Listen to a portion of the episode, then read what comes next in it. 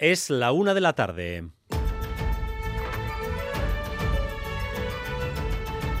Crónica de Euskadi con Dani Álvarez. A Rachaldeón, uno de los principales problemas a los que se enfrenta la sanidad pública aquí y en buena parte de Europa es la ausencia de médicos.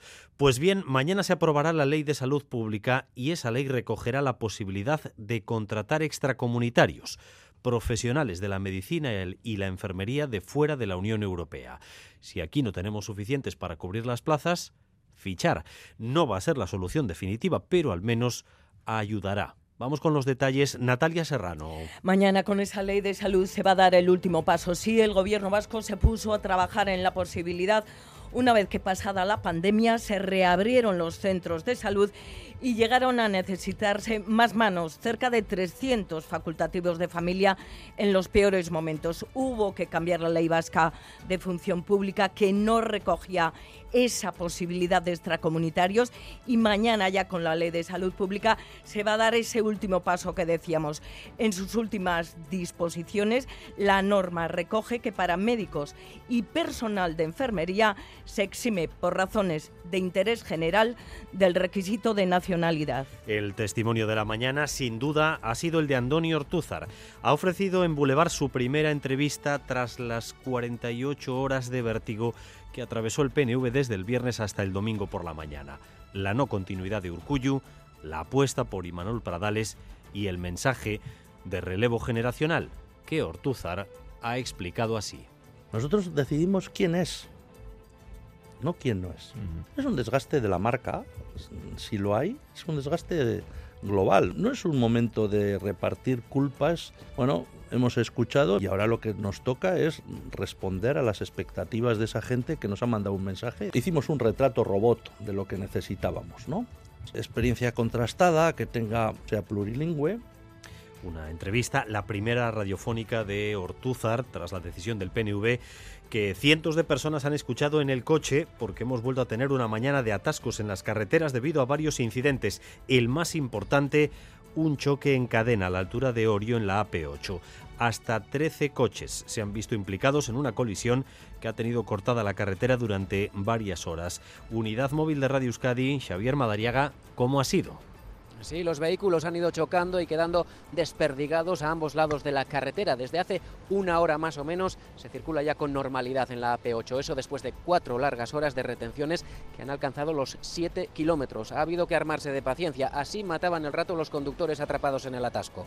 Ikasten, aprobetsatzeko ikastea edo bate bat dakit zer egingo iren beste batzuk egiten bere kotxeetan edo kaminetan. Mira, me estoy escuchando el de Legend de Bob Marley, así que estoy bastante a gusto dentro de lo que cabe. Bantxe izketan, besteik ez.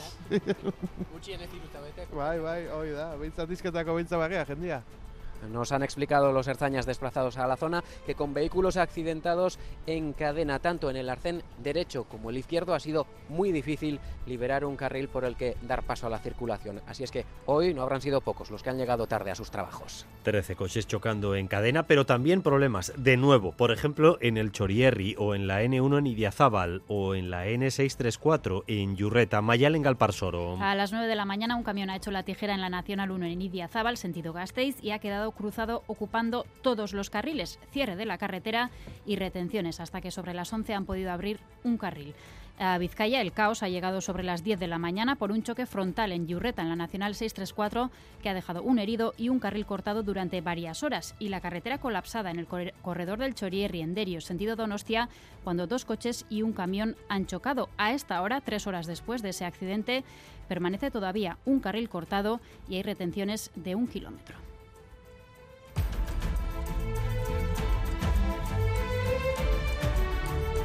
Recta final en el juicio por la muerte de Santi Coca con una sesión en la que hemos escuchado a los acusados, que han negado su participación en la agresión. Las acusaciones, por su parte, rebajan sus peticiones de pena de 20 años por asesinato a 15 por homicidio con agravante y han absuelto a uno de ellos, a Negoñi. Sí, la Fiscalía, la acusación particular que ejerce la familia y la popular por el Ayuntamiento de Donostia han retirado su acusación contra uno de los jóvenes. Para el resto, reducen la petición de pena de 20 a 15 años de prisión al modificar la acusación de asesinato por la de homicidio con agravante de superioridad. Todos los acusados han declarado hoy en la Audiencia Provincial de Guipúzcoa. Han negado su participación en los hechos. Algunos han asegurado que ni siquiera vieron esa agresión. Otros han apuntado al joven acusado y huido como autor de la agresión que provocó la muerte de Santi Coca. Y dentro de una semana, el miércoles que viene, abre sus puertas Durango Coazoca. Esta mañana, Euskal Cultura Eracundea ha presentado la lista de novedades que llegarán a la feria desde Iparralde. Casi 40 trabajos, varios proyectos musicales llegan por vez primera a esta cita. Nombres como Asisco Urmeneta, Shani Iriarte, eh, con sus relatos o la aportación literaria de Eneco Videgain.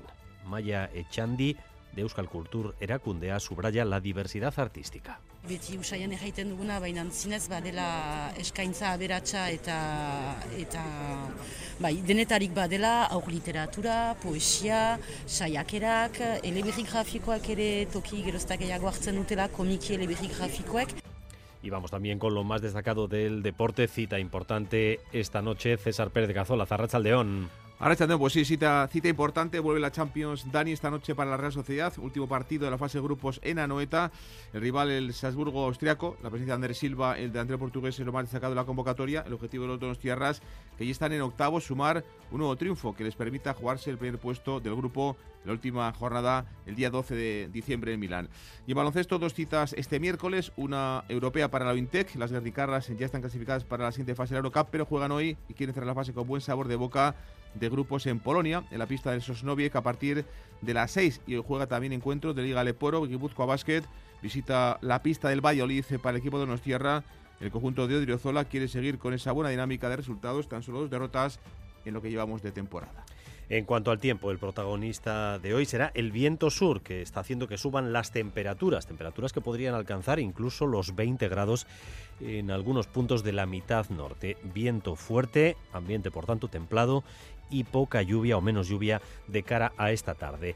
17 grados de temperatura tenemos ahora mismo en Bilbao, 14 grados en Gasteiz y en Donostia, 13 grados de temperatura en Bayona y 12 en Iruña, que hoy por cierto celebra eh, su día grande, el día de su patrón San Saturnino. Gracias un día más por elegir Radio Euskadi y Radio Vitoria para informarse. Raúl González y José Ignacio Revuelta se encargan de la dirección técnica y María Cereceda de la coordinación. Crónica de Euskadi con Dani Álvarez.